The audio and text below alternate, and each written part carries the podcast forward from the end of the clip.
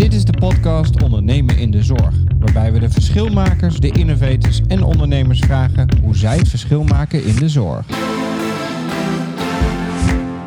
Welkom bij de 16e aflevering van de podcast Ondernemen in de Zorg. Ik ben Jetro Hardeman, eigenaar van innovatiestarters.nl, waar we zorgorganisaties helpen bij het starten, initiëren en realiseren van innovaties in de gezondheidszorg. Deze aflevering spreek ik met Rieneke Sterken, freelance projectleider en adviseur in de gezondheidszorg, maar daarnaast ook eigenaar van een totaal ander type bedrijf. Namelijk het bedrijf Vietnam Mama, wat met zijn zes foodtrucks en restaurant in Eindhoven een flinke omvang heeft. Ik ben benieuwd wat de overeenkomsten en verschillen zijn tussen haar foodtruckonderneming en het ondernemen in de zorg. En daarnaast wil ik ook heel graag weten hoe zij omgaat met tegenslag. Aangezien de coronacrisis ook voor haar onderneming verstrekkende gevolgen heeft. Nou, het belooft volgens mij een interessant gesprek te worden over eten, tegenslag en ondernemerschap in de zorg. Laten we starten. Ja, welkom uh, Rieneke in uh, mijn eigen thuisstudio. Dankjewel. Um, nou, eerst maar eens even vragen, hoe is het met je in deze gekke, rare tijden? Ja, bijzonder eigenlijk. Het, het gaat, uh, elke dag is wel anders. Ja. Kun je daar iets over vertellen? Hoe, hoe is dat anders? Nou, de ene moment maak je wat meer zorgen. Hè? Nu de horeca bijvoorbeeld weer gesloten is. Dat doet heel veel met je bedrijf en met je personeel.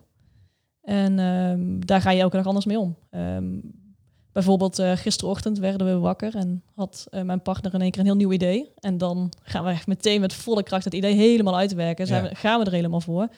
Gaan we testen en meteen uitproberen.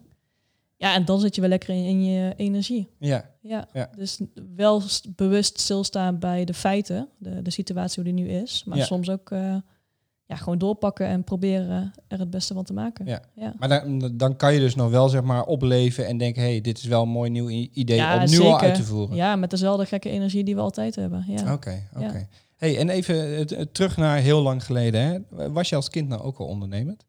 Mm. Nou, ik kom uit een gezin die totaal niet ondernemend is. Oh, Ehm, ehm, ik denk dat ik ook als enige, want we zijn met vier kinderen thuis, de enige ook wel ben die aardig ondernemend is.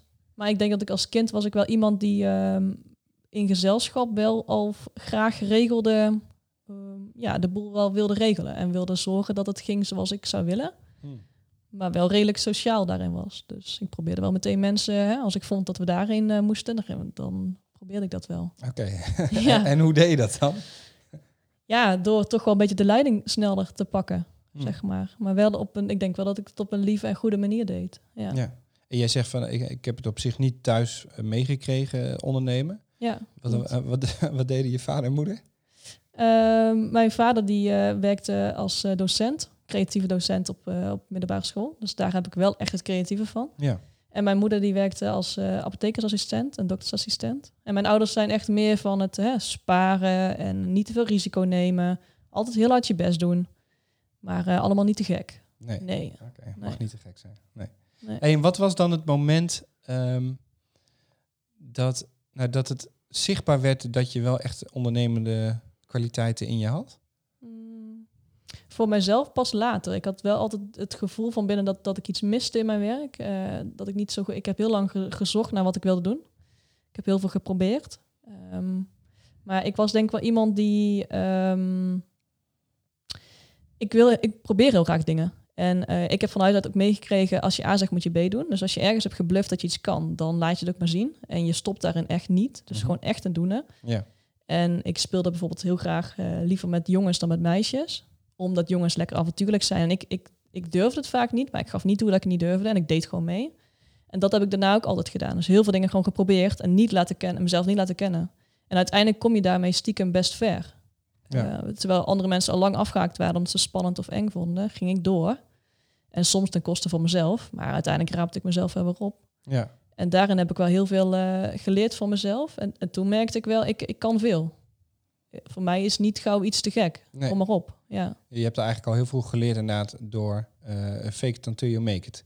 En Ja. dat het best vaak eigenlijk goed gaat. Ja. ja, dat is wel van huis uit meegekregen. Als je A zegt, dan moet je B doen. Ja. Hey, en ehm, eh, je bent al langere tijd eh, werkzaam in de zorg. Ehm, wat was het moment dat, je- dacht van, hé, eh, daarnaast wil ik ook nog ja, toch meer gaan ondernemen? Ja, het gebeurde eigenlijk gewoon. We hadden er helemaal niet over nagedacht. Was, ik denk, eh, 2013 Toen mijn partner, Vietnamese eh, roots, die, haar, haar ouders die ehm, verkochten uh, Vietnamese snacks op markten. En iedereen om me heen zei, oh, de Vietnamese eten is de Vietnamese lumpia. En wij irriteerden ons er altijd een beetje aan, want Vietnamese eten is niet de lumpia. Nee. Dus toen begonnen we gewoon heel klein op een markt. En ik had mijn broertje gevraagd, timmer even iets in elkaar. En hij had echt een poppenkast letterlijk in elkaar getimmerd. En wij gingen daar met een frietpan staan en daarna een paar springrolls maken, verse springrolls. En dat liep. En zonder na te denken dachten wij meteen, uh, of wel met nadenken, maar niet, niet verder, verder weg nadenken. Uh, gingen we een foodtruck maken en stonden we op een paar festivals. En na een half jaar hadden we in één keer twee foodtrucks. En na een jaar hadden we er drie. En toen keken we elkaar aan van, joh, wat zijn we eigenlijk aan het doen? En toen pas kwam het besefmoment van, goh, volgens mij is hier wel, uh, zijn we een bedrijf aan het opzetten. Moeten we het een beetje beter gaan organiseren dan we nu aan het doen ja. zijn? Want er werken mensen voor ons. En...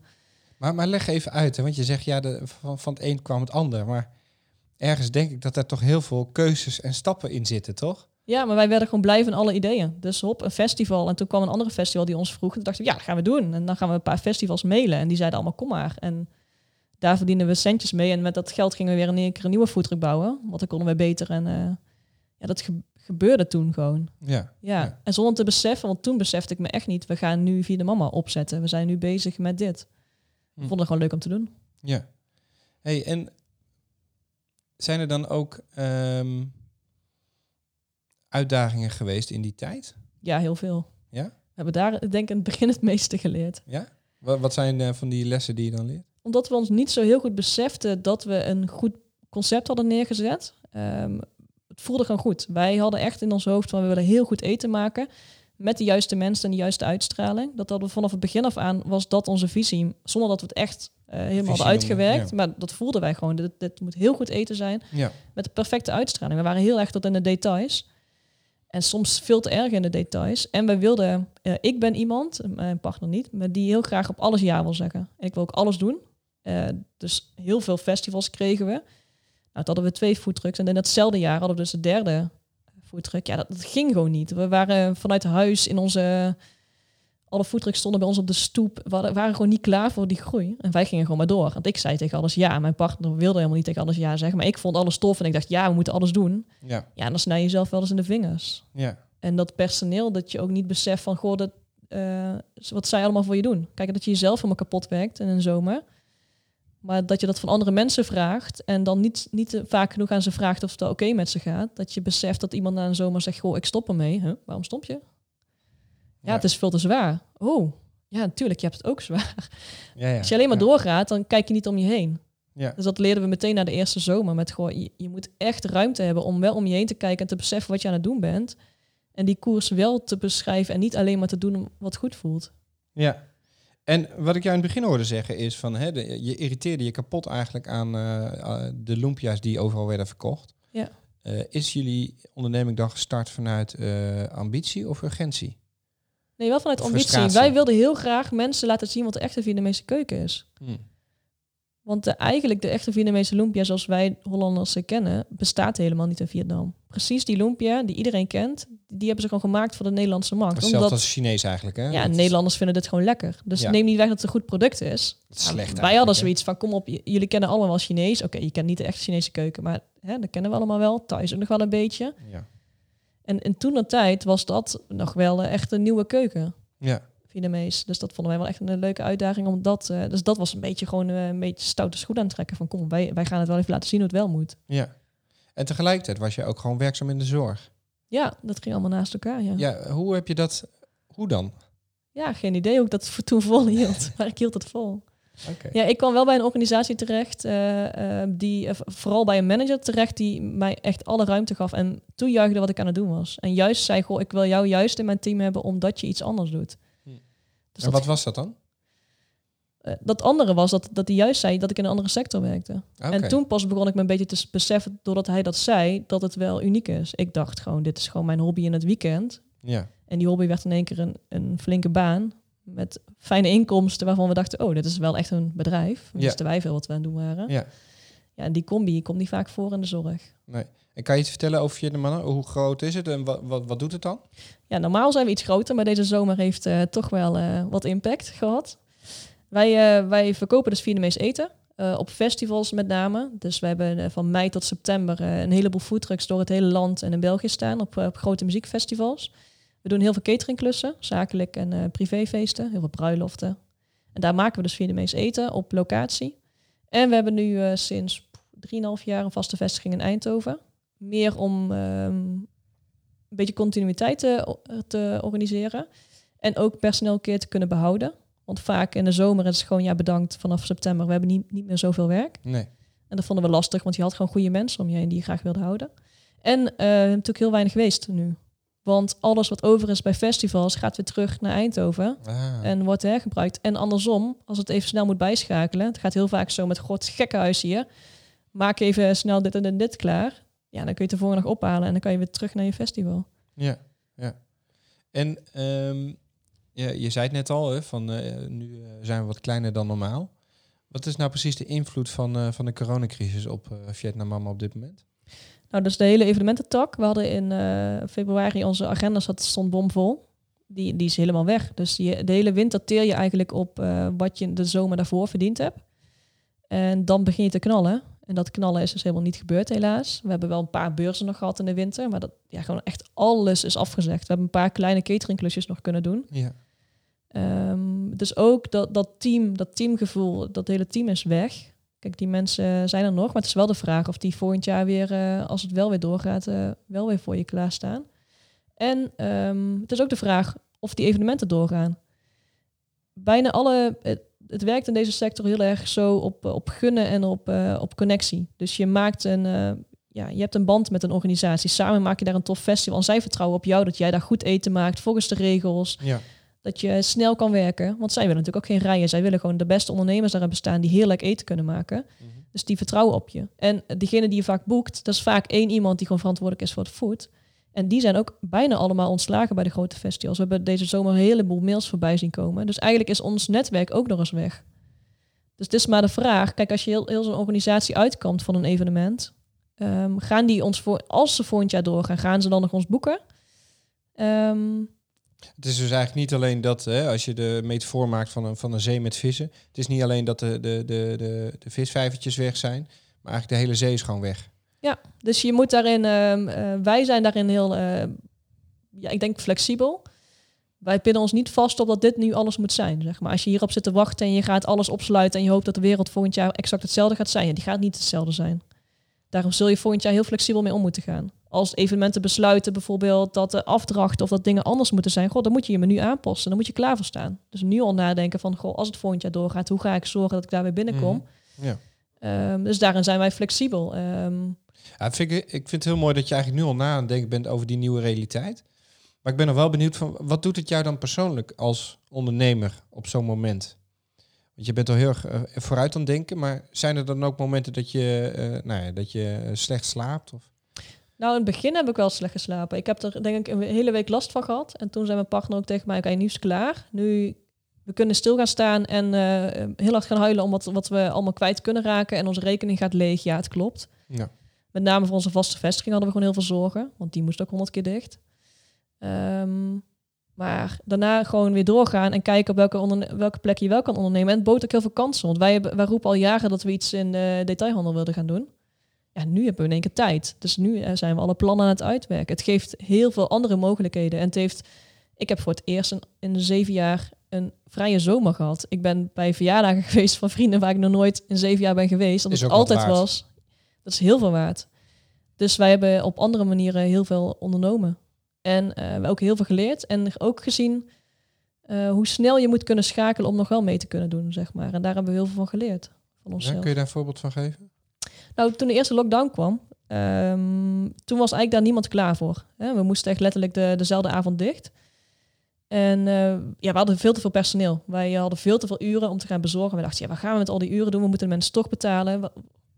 En toen hebben we eigenlijk uh, binnen twee dagen besloten, goh, we gaan, we gaan iets anders openen. We gaan ergens nog een andere afhaal openen. Dus wij zijn, we hebben volgens mij in een week uiteindelijk het opgeregeld om in Den Bosch een andere afhaal te regelen en te openen. En dan in één keer kun je zien hoe snel je kan schakelen. Gewoon hop, alle evenementen spullen in de ruimte zetten, mooi aankleden, posterje dit maken, dat ontwerpen, heel je netwerk erbij inzetten en iedereen kwam helpen. En binnen een week hadden we iets geopend. En konden we daar ook nog een beetje omzet proberen te draaien. Ja. Ja, dat, dat, dat ik nooit voor mogelijk hou dat ik in een week ergens iets kon openen. Nee, nee. Ja. En wa- wat is dat dan, waardoor dat eh, dan wel lukt? Ja, het vraagt in één keer heel veel ehm, ehm, scherpte. Kijk, het was een beetje een luxe positie. We draaiden de laatste jaren gewoon altijd een prima omzet. Dus je hoeft niet meer zoveel te draaien aan cijfertjes. Wij, wij zijn heel goed, vind ik, voor ons personeel. Wij zijn daarin, eh, kijk, als wij lekker verdienen, dan hun ook. En eh, wij vragen heel veel van hen, maar we geven ook heel veel terug. En vaak zei bijvoorbeeld boekhouder tegen mij van, goh, hè, je zit wel een beetje te, te luxe in, personeelskosten. En toen dus de eerste sluiting kwam, dachten we, ja, kak, wij hebben wel echt iedereen verwend. Hè? Kijk, als we nu eens echt eh, andere uurlonen hadden, dan hadden we nu niet zo zwaar. Ja. En ehm, het vraagt dus in één keer aan je van, oké, kijk, wa- waar kunnen we schakelen? Welke processen kunnen beter? Oké, dit is de, dit hebben we, we hebben heel veel processen nooit goed bekeken. Hm. Ja, nooit goed bekeken. Ik denk minder goed bekeken. Ja. En nu in één keer draait el- elke euro draait om. Ja, nu in één keer zeg je een kwartier voor sluiting op de frietpan al uitzetten, bijvoorbeeld. Ja, maar als je dat doortelt, en eerst maakt het nooit uit dat die frietpan nog tot het einde aanstaat. Ja. Maar dan hoor ik ook een zekere ehm, een soort verschil tussen eh, wel of niet urgentie. Hè? Wat je zegt van ja, weet je, daarvoor hebben we toch in een soort luxe positie gezeten. Ja. Als je dat nou vertaalt naar de zorg, hè, waar inkomsten ook altijd eh, eh, eigenlijk standaard binnenkomen. ehm, zijn er dan lessen te leren? ja, ik zou een zorgorganisatie het ook wel gunnen dat, dat ze echt, echt een keer zouden moeten ondernemen.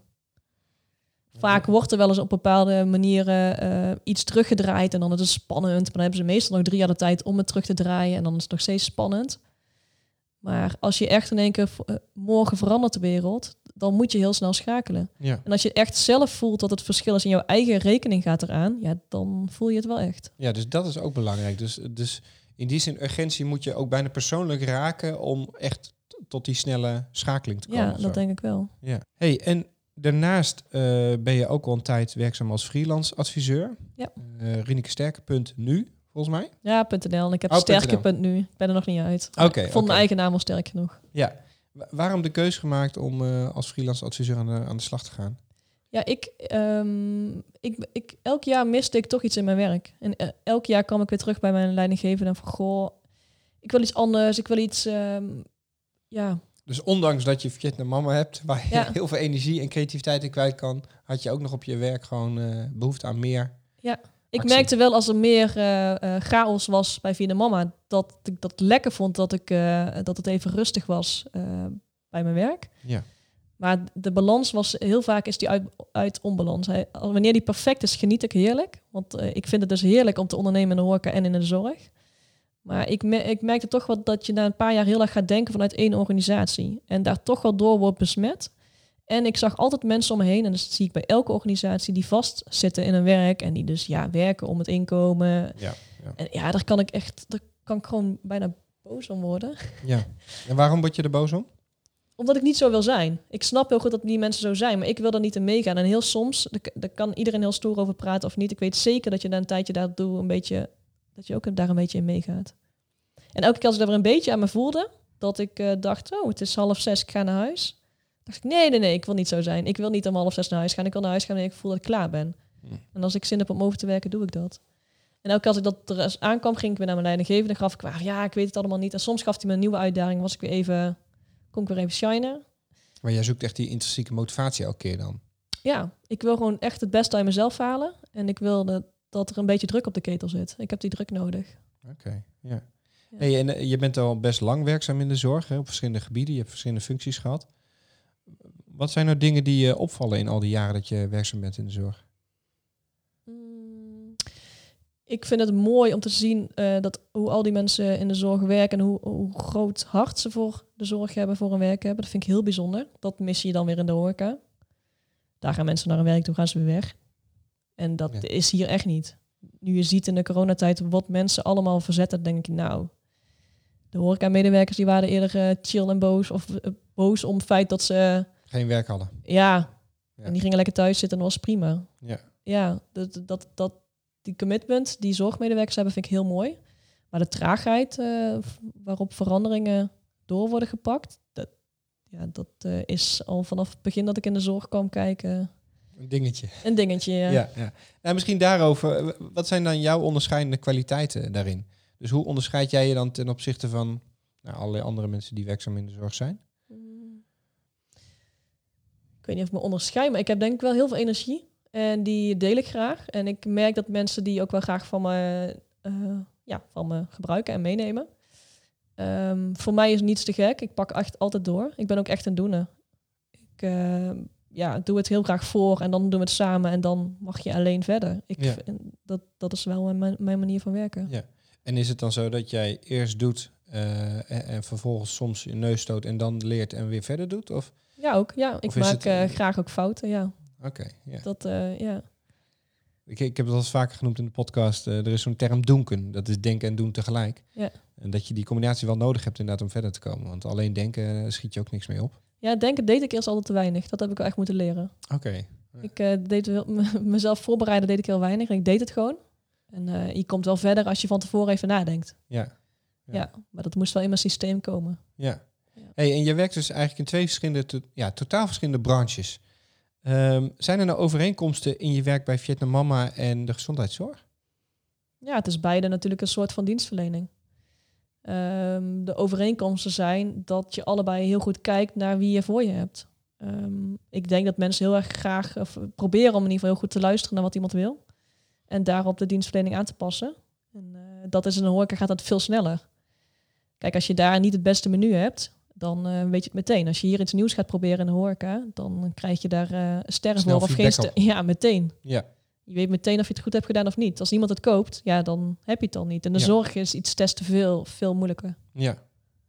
Dan moet je daar gaan vragen en dan moet je een gesprek gaan voeren. Ja, en eh, dan eh, zit er denk ik ook nog een groot verschil tussen wat mensen zeggen en wat ze daadwerkelijk doen. Ja, en als je omzet beter wordt door een verandering die je hebt toegepast, ja, dan weet je meteen dat het eh, effect heeft gehad. Ja. En in de zorg gaat dat traag. Als jij je dienstverlening verbetert en je hoopt dat je meer mensen zich aanmelden bij jou, meer cliënten krijgt, ja, dat, dan duurt het een tijdje. Dat is niet morgen. Het werkt niet zo dat als je nu gaat publiceren dat je iets anders gaat doen, dat je dan morgen in één keer eh 40 aanmeldingen hebt. Dat werkt Nee. veel trager. In die zin ook complexer. Veel complexer, ja. Veel eh, varia- eh, variabelen. Ja. ja. Hey, als je het ondernemerschap in de zorg nou als een soort gerecht zou moeten omschrijven, welk gerecht zou dat dan zijn? Oh, lastige vraag. Ehm, ik denk een, ehm, iets wat in een slowcooker is gegaan. Eh, wat gaat er om in de slowcooker? Nou, iets wat in ieder geval heel traag gaat borrelen, zeg maar. Hm. Ja, wat vast een lekker gerecht is uiteindelijk. Maar dat het wel een verrassing is hoe het smaakt. Het is overal anders, denk ik. Ja. Nou, is dat lastig? Zou dat eigenlijk anders moeten? Meer one size fits all? Ja, voor mij is de combi van het werk het leukst. Ik vind de horeca gaat heel snel, soms te snel. En ehm, ehm, soms zelfs bijna onpersoonlijk. Het is heel erg vergelijken met... Kijk, als je concurrent in één keer morgen een nieuw gerecht heeft... en loopt goed, dan wil je ook meedoen. Het is heel erg... eh, ja, je voelt meteen alle veranderingen. Het is een, een eh, hele gezellige wereld. Maar het is daarnaast ook eh, als ondernemer een best koude, snel, ja, koude wereld. Mhm. En ik vind daarnaast eh, de zorg die wat trager gaat, maar die wel echt voor kwaliteit en voor, voor iets goeds doen gaat, vind ik voor mij is de beste combi. Hm. Hm. Als ik alleen in de zorg zou werken, mis ik echt dat er erg- ergens een keer gas op wordt gegeven. En als ik alleen in de horeca werk, dan mis ik de diepgang. Dan, ja. Ja. Hebben we eigenlijk voldoende ondernemende mensen in de zorg? Nee, zeker niet. Nee? Nee. Eh, Wat, wat zou er dan nodig zijn? Ehm, Of waar zou dat dan nodig zijn? ik denk, je hebt, de, je hebt de combi van de verschillende mensen nodig. Je hebt niet alleen mensen nodig die iets willen veranderen. Je hebt ook mensen nodig die eh, iets willen afmaken en de, die willen meegaan. Ehm, maar ehm, ik denk dat het goed is als je op managementniveau wat mensen hebt die wat lef hebben en ook goed kunnen omgaan met de ondernemende mensen. Want die trekken uiteindelijk ondernemende mensen aan. Als ik een goede leidinggevende of manager heb die mij eh, laat zijn wie ik ben en mijn kwaliteiten durft in te zetten, kom je veel verder. Als ik een onder, als ondernemende zorgmedewerker ga solliciteren en er zit iemand die, die daar minder voor open staat, die heel erg van bestaande processen houdt en niet van anders denken houdt, ja, dan kan ik een ondernemende zorgmedewerker zijn, maar dan ben ik binnen een maand weer weg daar. Ja. Dus eigenlijk is, is de rol van een manager of leidinggevende daarin cruciaal. Ja, en ik denk dat er ook veel meer ondernemende mensen zijn, maar dat dat, dat, dat niet altijd dat knopje niet, niet altijd aangezet wordt. Je bent Waar ook komt dat door dan? omdat dat vergelijk niet altijd gemaakt wordt. Bijvoorbeeld als iemand. ehm, ik vind het altijd mooi als iemand lef heeft om in zijn leven iets, eh, een grote sprong te maken. Dan, dan heb je lef getoond. Als je echt durft te zeggen, goh, ik, ik ga mijn leven anders omgooien. Ik ga een jaar daar wonen in mijn eentje. Of Ehm, heel lang ergens tegenaan gelopen en dan gewoon eh, je hele huis eh, overhoop halen, iets heel anders gaan doen. Als je, als je dat soort dingen, eh, of helemaal voor jezelf beginnen, moet je ook heel veel lef voor hebben. Dat is ondernemerschap. Als je ergens op een bepaald punt het diep in bent gesprongen. En, en dat punt, zeg maar, hebben stiekem wat wel, meer mensen meegemaakt. En als je dat eh, bij ze weer naar boven haalt en vraagt of ze dat vaker in hun werk willen doen. Ik denk dat ze soms ook dat zelfvertrouwen nodig hebben om dat te durven doen. Dus je hoeft niet altijd echt een letterlijke ondernemer te zijn. Maar je moet iemand zijn die dat lef al vaker in zijn leven heeft getoond. En die vaker iets wil proberen en fouten durft te maken ook. En dat dat mag. Ja. En wa- wa- wat, doet, wa- wat moet een leidinggevende dan eh, letterlijk doen om zo iemand binnen te houden? Ehm, ik denk degene goed begrijpen en soms eh, ja, binnenhouden. Ik denk dat het lastig is om uiteindelijk iemand echt binnen te houden. Misschien, Moet je ze we, helemaal niet binnenhouden misschien? misschien moeten we vaker een switch maken. Misschien moet je gewoon, moeten die mensen, de manager of de leidinggevende, heel goed weten van elkaar. Oké, dat is er eentje. Nou, die heeft ook iets anders nodig. Dan krijg jij met twee jaar, krijg je van mij deze terug. Want die zit ook een beetje op springen. Volgens mij ben ik uiteindelijk niet tegen te houden en ben jij hetzelfde daarin. Volgens mij ben jij uiteindelijk ook. Je kan niemand een tijdje houden. Nee. Maar het is ook heel goed voor een organisatie als mensen wisselen. Niet als het elk jaar is, helemaal niet. En nee, maar dat is een beetje spanningsveld. Hè? Want eh, Ja. eh, de kennisuitwisseling, ervaringsuitwisseling is heel erg belangrijk. Tegelijkertijd is eh, duurzaamheid en, en behoud van, van ervaring, juist in de zorg, natuurlijk ook heel belangrijk. Ja. Dus er zit wel een soort spanningsveld tussen. Ja. Maar waarom zou die twee, die twee mensen dan niet bijvoorbeeld echt laten samenwerken in een project? Omdat het organisatie en strategisch gewijs heel spannend is binnen de zorg. Want we zeggen allemaal dat we heel goed willen samenwerken. Maar in de praktijk We is doen het niet. Nee, Nee. we doen het helemaal niet. Nee, nee. Nee, daar is de horeca precies hetzelfde in. Die werken ook echt niet samen. Kopiëren elkaar altijd. Wat zou de reden kunnen zijn?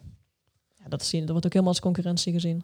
Maar in de zorg, ja, maar ik bedoel, in, in de horeca kan ik het begrijpen, maar de, de zorg, wat voor con- concurrentie zit er? Misschien ook een beetje oud pijn of oud zeer wat er zit. Of eh, het spannend vinden om dingen te delen. Want als jij natuurlijk e- ergens de beste of de eerste in was, is het natuurlijk wel heel stoer om dat, dat, dat je jouw naam erachter mag zetten. Ja, Ik vind dat persoonlijk niet stoer. Het is veel stoerder als je met z'n twee of drie hebt gedaan. Ja. Want dan behoud je wel die medewerker. Ja. Want die gaat ook weer aan als die met iemand mag werken die ondernemend is. Ja. Want uiteindelijk heb je dat nodig. Je hebt iemand met wie je even kan sparren en een keer kan klagen. Met, goh, we gaan we toch weer traag, maar we gaan samen door. ja, ja. Ja. Nee, eens. Hey, en eh, is het nou zo dat mensen eh, in de zorg moeten leren ondernemen? Of zouden we gewoon ondernemers moeten leren om zich meer in de zorg te verdiepen?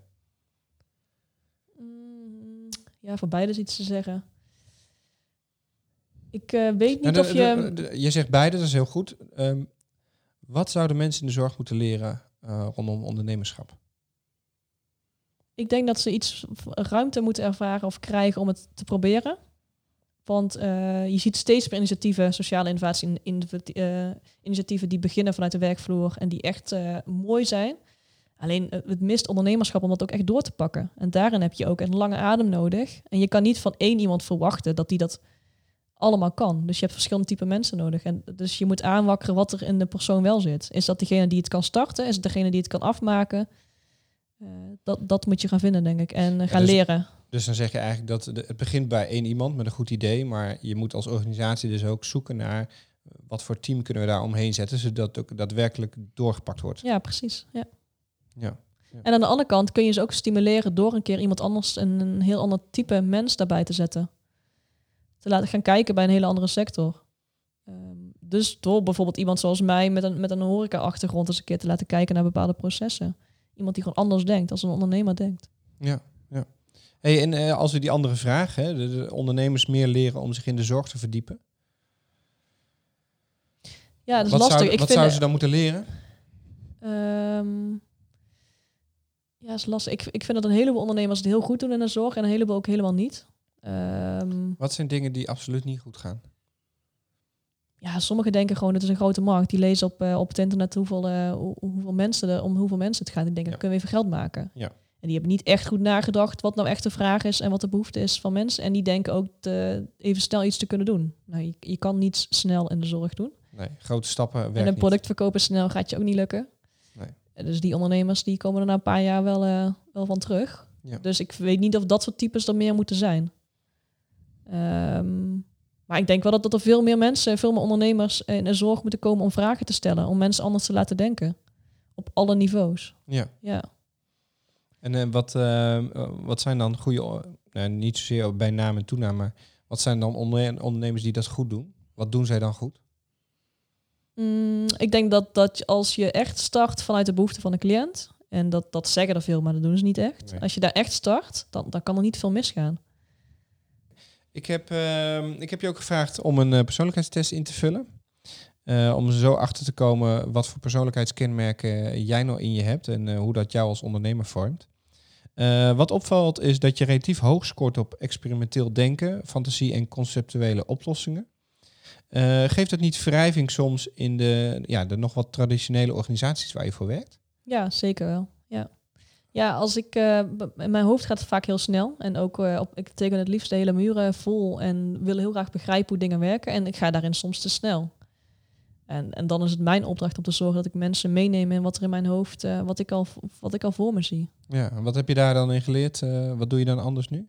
Ehm, ik probeer veel dingen visueel te maken en te checken bij mensen of ze me begrijpen. Dus niet in één keer door te razen, maar gewoon in stappen. Heel goed uitvragen en, en kijken waar iemand zit en of je elkaar goed begrijpt. Ja.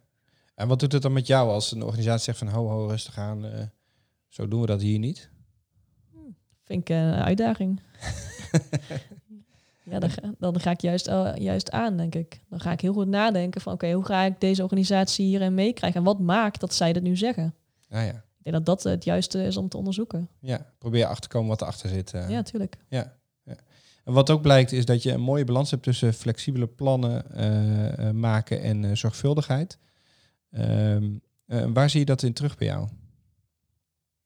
Mm, Nou, ik hou eigenlijk niet zo van, eh, van dingen heel blauw, groen uitwerken. Maar dat is wel nodig. Dus ik ben er de laatste jaren wel heel goed in geworden. En heel vaak zeggen mensen ook tegen mij, goh, daar ben jij goed in. Maar ik, ik, vind het niet leuk. Maar dat is wel nodig. Je kan wel een stip op de horizon tekenen, maar je moet wel goed bedenken hoe je daar gaat komen. En eh, dat telkens weer opnieuw re- re- reflecteren van zijn we goed bezig. Ja.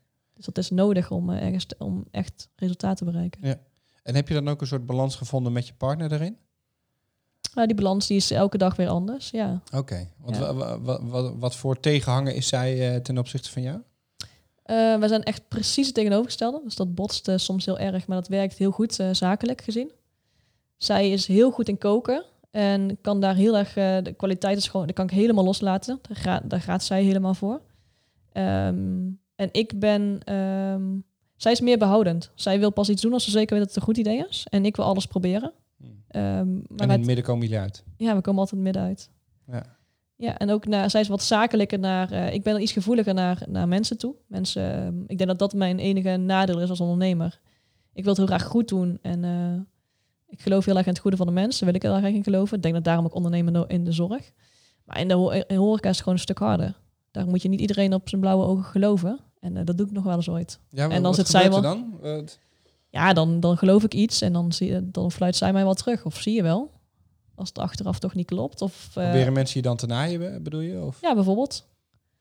Of eh, personeel die dan toch, eh, toch het randje opzoekt, zeg maar, van, eh, van hoe goed wij voor ze zijn. Dan toch eh, dat, dat uiterste randje nog wel een stapje overheen Ah, zet. oké. Ja. En dan ben ik diegene die dat dan nog wel denkt van, oh, dat, ja, dat ja. bedoelt hij vast niet zo. En dan, Dat is wel grappig, want dat komt ook uit jouw persoonlijkheidstest. Hè? Je bent erg joviaal, assertief, eh, werkt graag met anderen samen. Ehm, dat is in de horeca dus niet altijd handig. Maar hoe, hoe werkt dat in de zorg? Ja, daar werkt samenwerken heel goed, denk ik. En ehm, daar heb ik daar minder last van. Daar is het gewoon een minder harde wereld.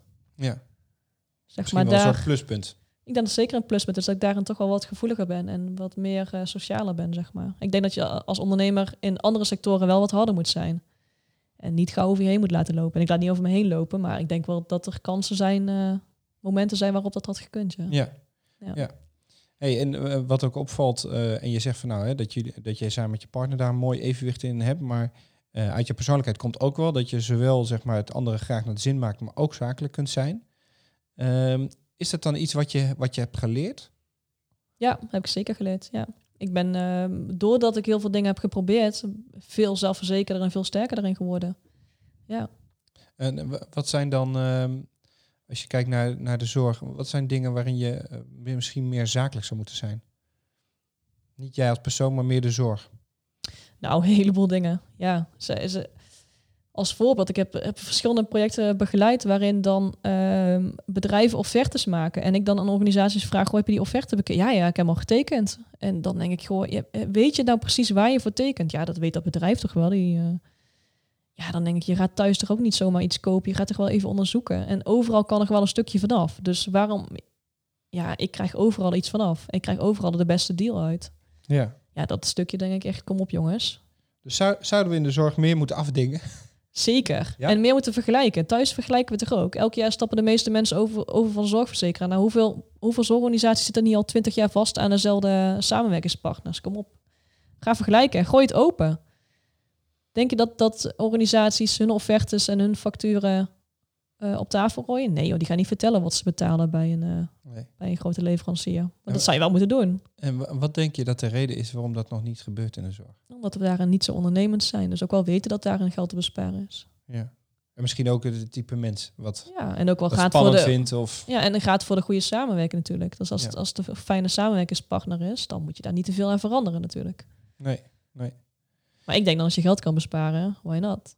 ja. Ja, nee, zeker eens, ja. Hey, en verder eh, lees ik dat je niet snel van slag bent in stresssituaties. Ja. Ehm, wat was het laatste moment of het, me- het meest eh, eh, heftige moment wat je hebt meegemaakt waarbij je wel s s'nachts wakker was? Mm, Ja, afgelopen weekend moest ik mijn duikbrevet halen. Toen lag ik wakker omdat ik eh, een paniekaanval had, omdat ik mijn duikbril op eh 10 meter diepte af moest doen. En dat vond ik heel eng. Nee, eh, serieus, dit soort dingen. Ik heb dan bedacht, een week vooraf, ik wil mijn duikbrevet halen. Zo ben ik. Ja. En dan ga ik hem halen. En op dat moment ben ik op 10 meter diepte. En dan denk, besef ik me, wat doe ik hier in een meer in Roermond? Waar ik een meter voor me zie en ik zie op mijn horloge dat ik 10 meter diep, diep ben. Wat doe ik hier, godshemel samen? Toen raakte ik in paniek. Oké. Daar lag ik s'nachts wakker van. Ja. Eh, ik, ik lig zakelijk niet zo snel wakker van dingen. Ik vind het eh belangrijkst dat ik en mijn partner goed kunnen samenwerken. En dan kunnen we de hele wereld aan. En als dat even ooit het onbalans is, dan maakt dat, dat zakelijk wel lastig. Hm. Dus op de samenwerking kan ik wel eens ooit eh, daarop wakker liggen. Ja. Is het dan ook zo dat je... ehm, zou je dan bereid zijn om zakelijk te stoppen als het de relatie beïnvloedt? Zeker. Wauw, ja. Dat Ja, is dat- wel... Ja. Ja, dat punt hebben we wel eens op gestaan. Je moet wel beseffen wat het belangrijkste is, zeg maar. Ja. Hey, als je de zorgondernemers nou nog één wijsheid op een tegeltje zou mogen meegeven, wat zou dat dan zijn? De zorgondernemers. De ondernemende mensen in de zorg, hè, de projectleiders, de, de innovatieprogramma, managers. Ehm, ja, blijf veel samenwerken met elkaar en zoek elkaar op. Want ik denk uit die energie, die energie heb je nodig om, eh, om door te pakken. Hey, en als iemand nog meer wil weten over Vietnam Mama of eh Rineke Sterker, hoe kunnen ze dan contact opnemen met jou? Ja, via LinkedIn of onze websites. Ja, Oké, nou hey, hartstikke bedankt. graag gedaan. Dankjewel. Ja, dank jullie wel voor het luisteren. Wil je deze of andere afleveringen beluisteren, dan kan dat via Soundcloud, iTunes of Spotify. Heb je een tip van een echte zorgondernemer die ook in deze podcast thuis hoort? Stuur me dan een mailtje naar info.innovatiestarters.nl. En vind je deze podcast interessant? Laat het dan weten via sterretjes, duimpjes of reviews. En deel deze podcast ook met jouw collega's. Tot de volgende keer en laten we met z'n allen de zorg slimmer, beter en vooral leuker maken.